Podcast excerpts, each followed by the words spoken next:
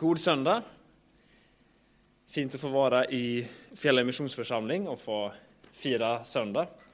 Eh, mitt namn är Josef Birgersson och eh, jag bor här i Tromsö, svensk. Sitter med i styrelsen för församlingen. Eh, men är väldigt glad för att vara på gärna sådana här möten. Det är väldigt fint. Det är grejt att vara på styrelsemöte också, men mycket bättre att vara här. Vi ber tillsammans. Himmelske Far, nu ber vi dig om vishetens och uppenbarelsens ande, så att vi kan få ett möte med dig, att vi kan förstå ditt ord.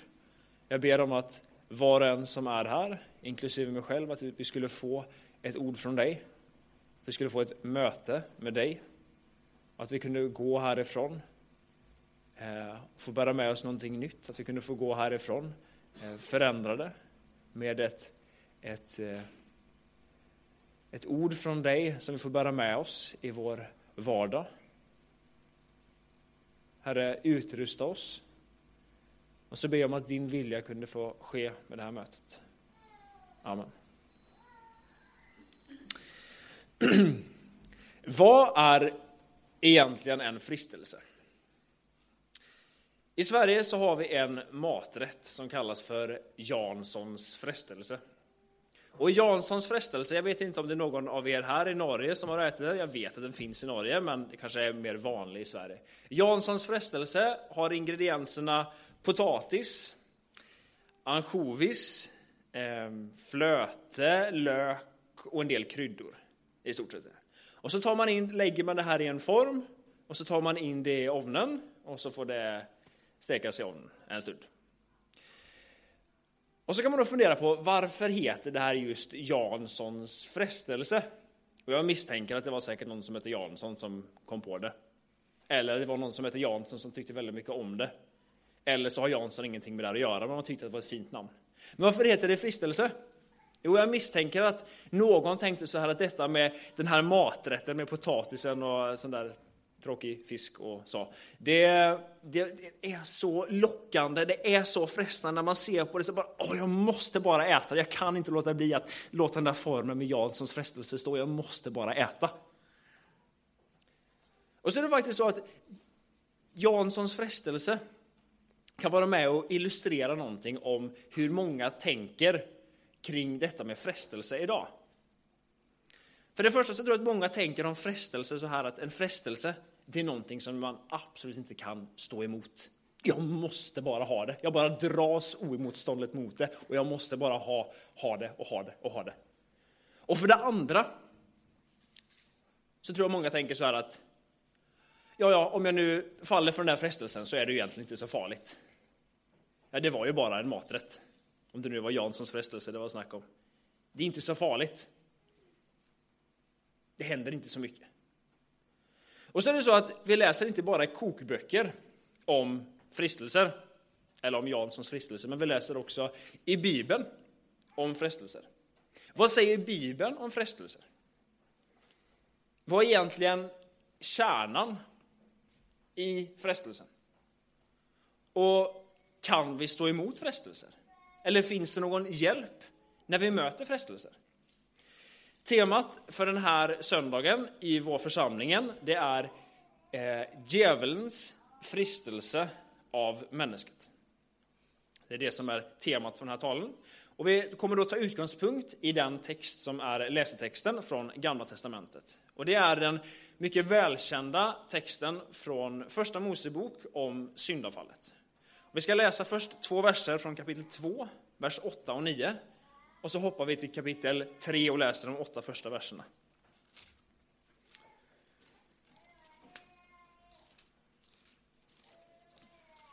Första Mosebok kapitel 2, vers 8 och 9. Så plantet Gud Herren en hage i Eden i östen. Där satte han människet som han hade format. Och Gud Herren låt alla slags trär växa upp av landjorden, präktige att se på och goda att äta av. Och så livets tre mitt i hagen och tre till kunskap om gott och ont. Och så hoppar vi till kapitel 3 och läser de åtta första verserna.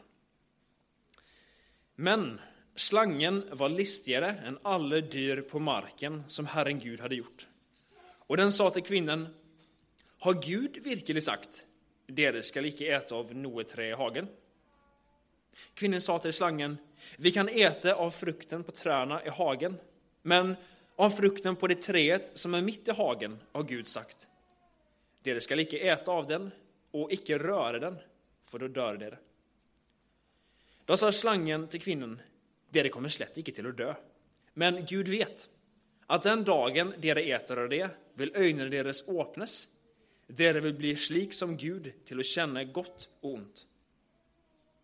Kvinnan såg nå att träet var gott att äta av, och det var en lyst för ögonen, ett präktigt trä, sin det kunde ge förstånd.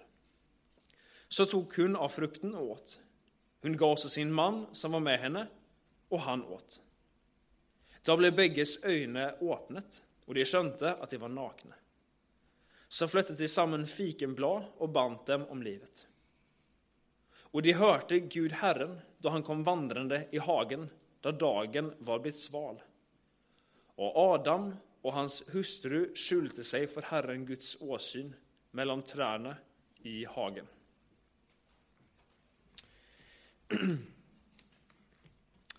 Gud, han satte in Adam och Eva i en sammanhang. Han planterade en hage för dem, där de skulle få bo, där de skulle få leva. Det var vackra träd, så det var någonting vackert att se på, den naturen som var i hagen. Det var en fröjd för ögat. Och det var mängder av frukter att äta av. Och så står det om att det var en flod som rann genom hagen, som såg till att, att vattna hagen, som såg till så att det var goda växtvillkor i hagen. Det vill säga, det var en hage som inte bara, det var någonting tillfälligt bara för en liten stund, men det här var en hage som, där det fanns potential till att här skulle den kunna vara länge. För det var en, en flod som vattnade. Så det var optimala förhållanden. Och så levde mannen och kvinnan i ett nära och gott förhållande till sin Gud. Och när Gud har skapat detta så kan han konstatera en sak. Och det är det han säger, och se. Det är som att han uppmanar också oss till att se. Lägg märke till detta, och se, det var övermåte gott. Det är denna sammanhängen som de är i. Men så behöver vi inte läsa många verser vidare i vår bibel för att läsa om djävulens första fristelse av mänskligheten. Eh, Adam och Eva befann sig kanske i den mest optimala situation för att kunna möta en frestelse. De hade allt det de behövde. De hade mat, de hade trygghet, de hade fred, de levde i ett nära, en nära gemenskap med Gud. Och inte minst, de hade heller ingen gammal människa i sig som var allierad med djävulen, som var vän med djävulen. Ändå så är det i denna situation som vi läser av, om syndafallet, orsakat av djävulens fristelse. Och vad är då djävulens framgångsmåte? Jo, i form av en slange så är det tre ting som är hans, vad ska man säga, eh, viktigaste eh, redskap, eller det som han gör för att få dem till att falla. För det första så använder han Guds ord, men han manipulerar Guds ord så det blir en mix av sanning, halvsanning och lögn. För det andra så skapar han en misstillit till Gud. Gud, han undanhåller någonting från er. Han vill inte riktigt det bästa för er. Men hör på mig, så ska jag visa er hur ni kan optimera livet, hur det kan bli på allra bästa sätt. Hör på mig. Och för det tredje så lockar han dem. Han säger så här, vet ni vad? Ni kommer att få öppnade ögon. Och ni kommer att bli som Gud. Det, det är de medel som djävulen brukar för att frista Adam och Eva. Och så läser, läste vi en av verserna här.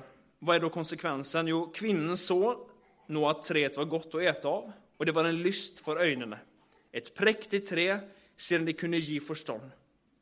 Så tog hon av frukten och åt. Hon gav sig sin man som var med henne och han åt. Djävulen han lyckades. De föll för frestelsen. Och vad var så konsekvensen av att de hade fallit för frestelsen? Att djävulen hade lyckats. Vad var konsekvensen? Jo, den omedelbara konsekvensen är att det uppstår ett, ett trängande behov för dem att skjula sig skjuler sig först för varandra. De, de skjuler sig med hjälp av fikenblader. Och senare på kvällen så står det om att Gud han vandrade i hagen. Det verkar som att det var inte så att Gud just denna enda gång skulle gå till hagen, att han ellers aldrig var i hagen. Men det verkar som att Gud närmast spatserade runt där. Han, han, han, han var där, han, han gick runt och kikade. Det var någonting som han plöjde att göra. För han hade ju ett, ett gott fällskap med, sina, med sin skapelse, med sina människor. Men han kommer vandrande där. Och då står det om att Adam och Eva, de gömmer sig, de skjuler sig bland hagens träd. Varför? Därför att de är rädda. Har du varit rädd någon gång? Det hoppas jag inte. Men hur är det? Hur reagerar vi i vår kropp när vi blir rädda? Kanske att hjärtat börjar slå snabbare, bankar hårt i bröstet. Börjar svettas om händerna, kanske på fler platser på kroppen. Vi blir oroliga, vi får en klump i magen. Adam och Eva, de var rädda.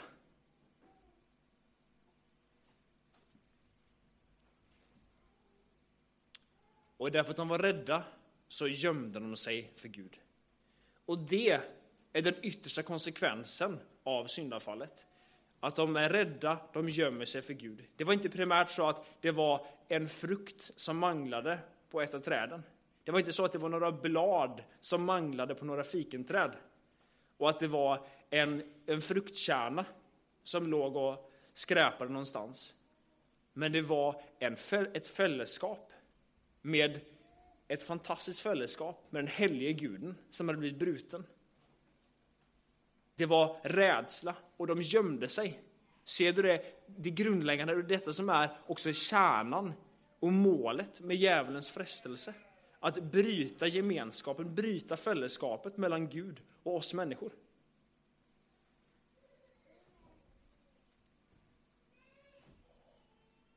Jag kommer ihåg när jag gick på mellantrinnet så var det en av mina klasskamrater som sa ungefär så här till mig. När nu Jesus, om han nu har dött för alla synder och jag kan få tillgivelse för allt jag gjort, då är det väl inte så farligt om jag syndar? Ehm, jag kan väl göra vad jag vill, för jag får ju förlåtelse oavsett. Jag kommer inte riktigt ihåg exakt vad jag svarade på det spörsmålet i. Eh, det var säkert inte ett väldigt klokt svar kanske. Men jag tror att den frågan, det spörsmålet som jag fick den gången, det tror jag är ett spörsmål som är väldigt aktuellt också för oss idag. Jag vet att det är ett spörsmål som är aktuellt för mig och jag tror att det är ett spörsmål som också är aktuellt i vår församling. För det är spörsmål som ligger under ytan, kanske inte alltid väldigt formulerat, väldigt medvetet, men det är spörsmålet är det egentligen så farligt med synd? Vi har ju Jesus.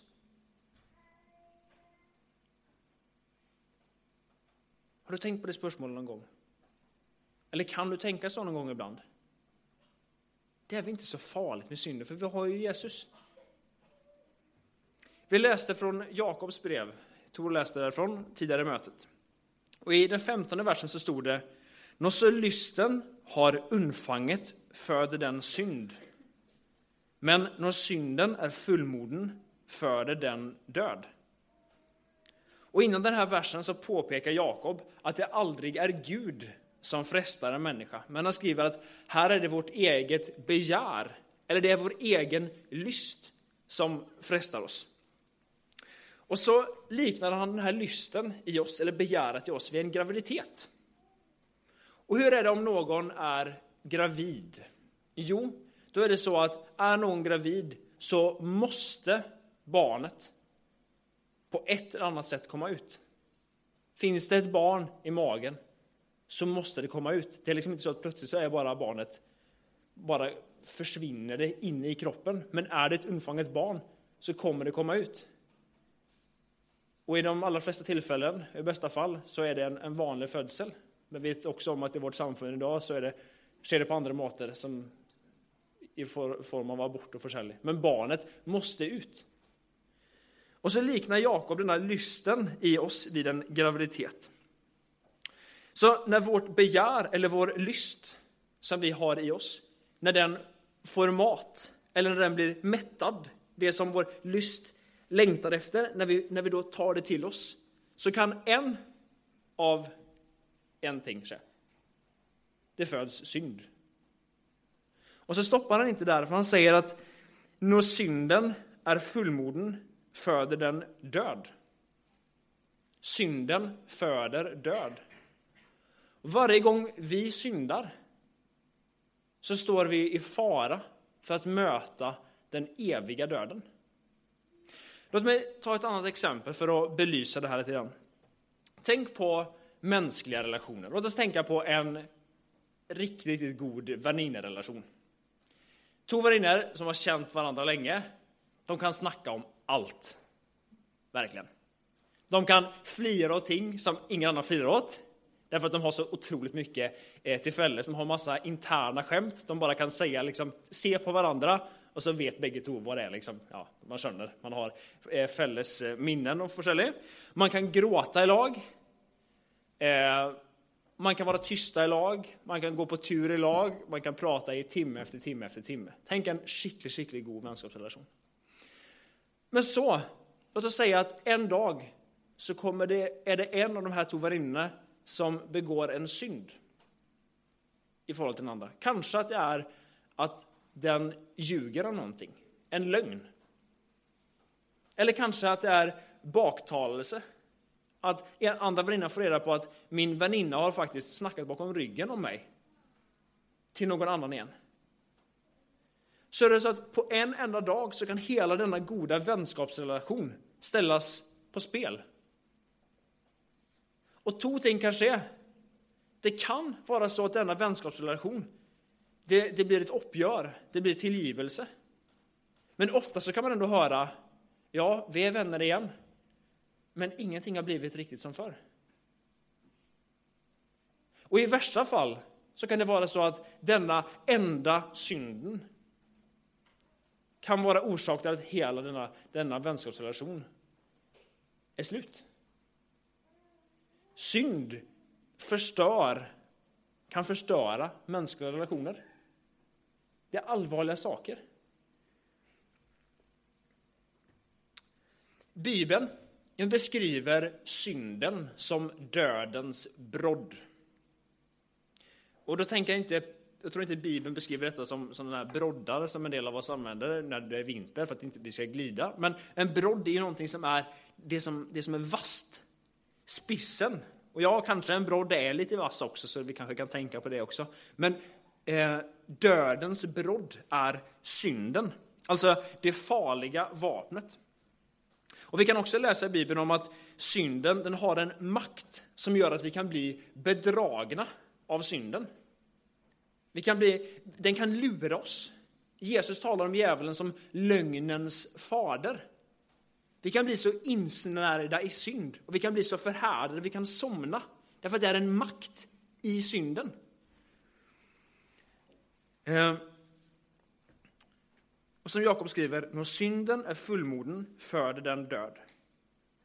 Och på samma sätt som Adam och Evas första synd den ödelade fällskapet mellan Gud och människan, så är också synden farlig för oss därför att den skapar ett brydd i fällskapet med Gud.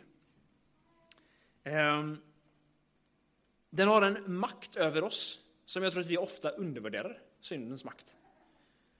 Ehm, och den, som Jakob sa, den kan leda oss till död, till evig död. Och då måste vi ha klart för oss att när synden är så farlig och kan ödelägga vår gudsrelation och leda oss till evig död så är det inte därför att Jesus inte kan tillge vår synd. Därför det kan han. Om det är så att jag har fallit i en fristelse för hundrade gången, så finns det nåd för den. För nådens hav är bundlöst. Och den fristelse eller den synd som du tänker är så illa, så grov, så flö att du inte ens vågar säga det till en, en enda levande människa. Och inte till någon död människa för det, den sakens skull heller, det ska vi inte göra. Men du vågar inte säga till någon för det är så flöt. Så var det just för den synden som Jesus kom. Så det står inte på Gud, för hans nåd, hans tillgivelse är gränslös. Men synden har en makt. Synden är farlig. Och det tror jag vi behöver ta in av oss, ta in över oss. Synden har en makt. Dödens brodd är synden. Synden kan på, i ett slag ödelägga vår gudsrelation. Så synden är ingenting att leka med. Djävulens mål har inte förändrat sig från Adam och Evas dagar och fram till 2017. Det står om att han går runt som en brölande löve.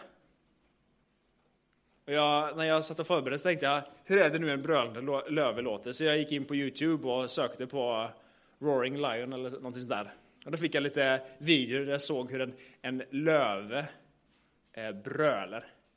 Det är ganska våldsamt. Det som man kanske också primärt lägger märke till det är att det är ett stort gap. För när löven brölar så är gapet vidöppet. Och så står det just om det att djävulen går runt som en brölande löve för att se om det är någon som han kan sluka. Au! Äta upp. Fånga. Djävulen är ute efter att kunna garantera folk i förtapelsen. I en evighet borta från detta goda, nära, förtroliga samfund och fällskap med Gud. Och djävulen har en högst levande realitet i mitt liv, i ditt liv. Han vill få oss på fall. Har du någon gång funderat på varför du så sällan ser på allt det stora som Gud har gjort för dig? Och ofta tänker på, vänder blicken mot dig själv, ser på allt, att jag ser på allt mitt eget. Har du funderat på varför du så många gånger försöker hämta din kraft från andra håll än från Gud?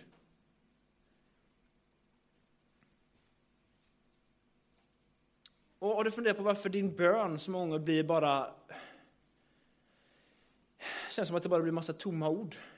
Eller kanske att, om du ska vara ärlig, så måste du erkänna att kanske att din bön har tystnat.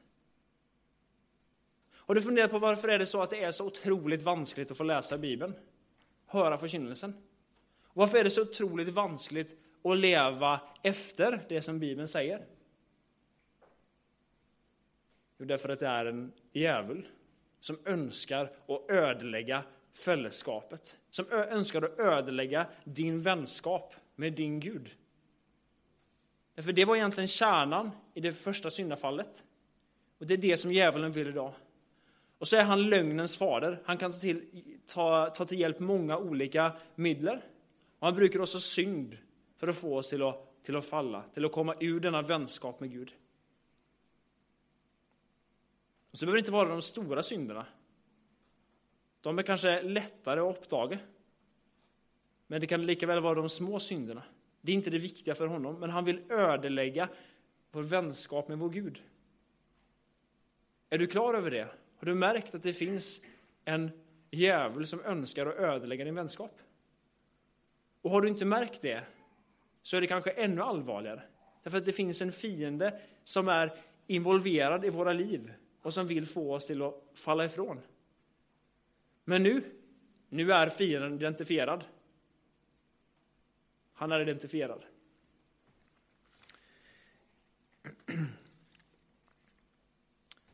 Vad är hjälpen? Vad är hjälpen i frestelsen?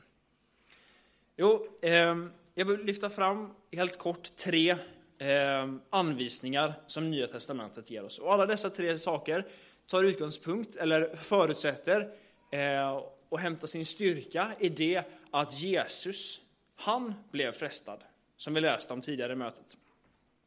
För när Adam och Eva när de var i hagen, så hade de de bästa, de optimala omständigheterna till att kunna möta en frestelse.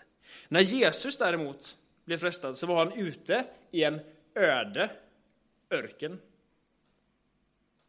I en örken så är det lite vatten, det är varmt, det är ensamt.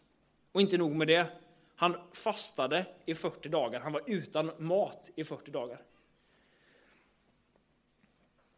Jesus han visste att han skulle möta djävulens frestelser.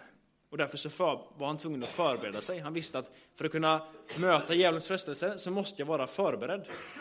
Och då valde han att avstå från maten för att kunna ägna sig åt bön. Och nu är det så att nu är vi ju inne i fastetiden innan påsk, innan påske. Och kanske att det är så att vi också borde eller kunde avstå från någonting i våra liv för att kunna rusta oss och ta tid till det som kan ge oss seger över Satan. Jag kommer tillbaks till de här tre sakerna som Bibeln talar om. Var, var, kan, vi, var kan vi hämta vår styrka i, i möte med fristelsen? Fysiskt sett så var Jesus nedbruten i, möte, i, i den situationen som djävulen mötte honom med frestelserna. Och hans taktik, djävulens taktik, det var detsamma som när han frestade Adam och Eva. För vad han gjorde? Jo, han eh, försökte manipulera Guds ord. Han satte spörsmålstecken vid om Jesus verkligen var Guds son. Om du är Guds son, så... Och för det tredje så lockade han honom med att säga att alla dessa riken i världen, de ska jag ge dig. Om du bara faller ner och tillber mig. Och Jesu vapen i möte med djävulens frestelser, det var Guds oförfalskade ord. Och det var det som också kunde ge honom segern. Och det här med att Jesus har blivit frestad, det är en hjälp till oss kristna som jag tror inte att vi riktigt anar hur betydelsefull den är. Det står på två platser i Hebreerbrevet. Först så står det, får vi att han själv har lidd och blivit fristet, kan han komma dem till hjälp som blir fristet.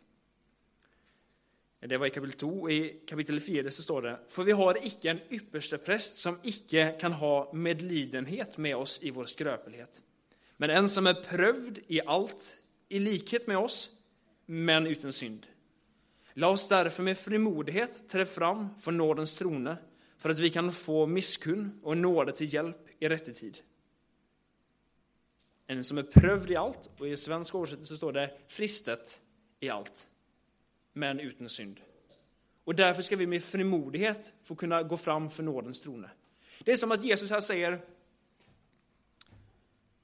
eller en parentes, jag huskar när vi hade Själestorgs undervisning med Tor när jag gick på, på bibelskolan här 2010-2011. Så sa han att är det någonting som man ska akta sig för i Själestorgssamtalet så är det att säga jag vet hur du har det. Eller jag, jag förstår hur du har det. Nej, det är ingen som kan förstå mig helt och hållet. Och speciellt om någon har råkat ut för någonting som är väldigt illa eller någonting väldigt vanskligt, så kan det vara ett slag i ansiktet att få höra att jag vet precis hur du har det. Nej, det vet du inte. Men det är faktiskt det Jesus säger här. Och han kan säga det. Det är som att han säger, jag förstår dig. Jag vet hur du har det. Jag har haft det på samma sätt. Och därför så har jag några råd till dig. Vad är det Jesus säger? Jo, han säger, kom inför nådens tron. Kom inför nådens tron, det var det som stod här. Och så kan vi fråga oss, ja men ja, okej, kom inför nådens tron, ja vad ska vi göra där? Jo, vi ska få ta på oss Guds fulla vapenrustning. För det är det det innebär att leva i nåden. Ni vet i Efesierbrevet talar ju Paulus om en, en vapenrustning. Och så säger han att vi ska få ta på de olika rustningsdelarna. Efesierbrevet 6.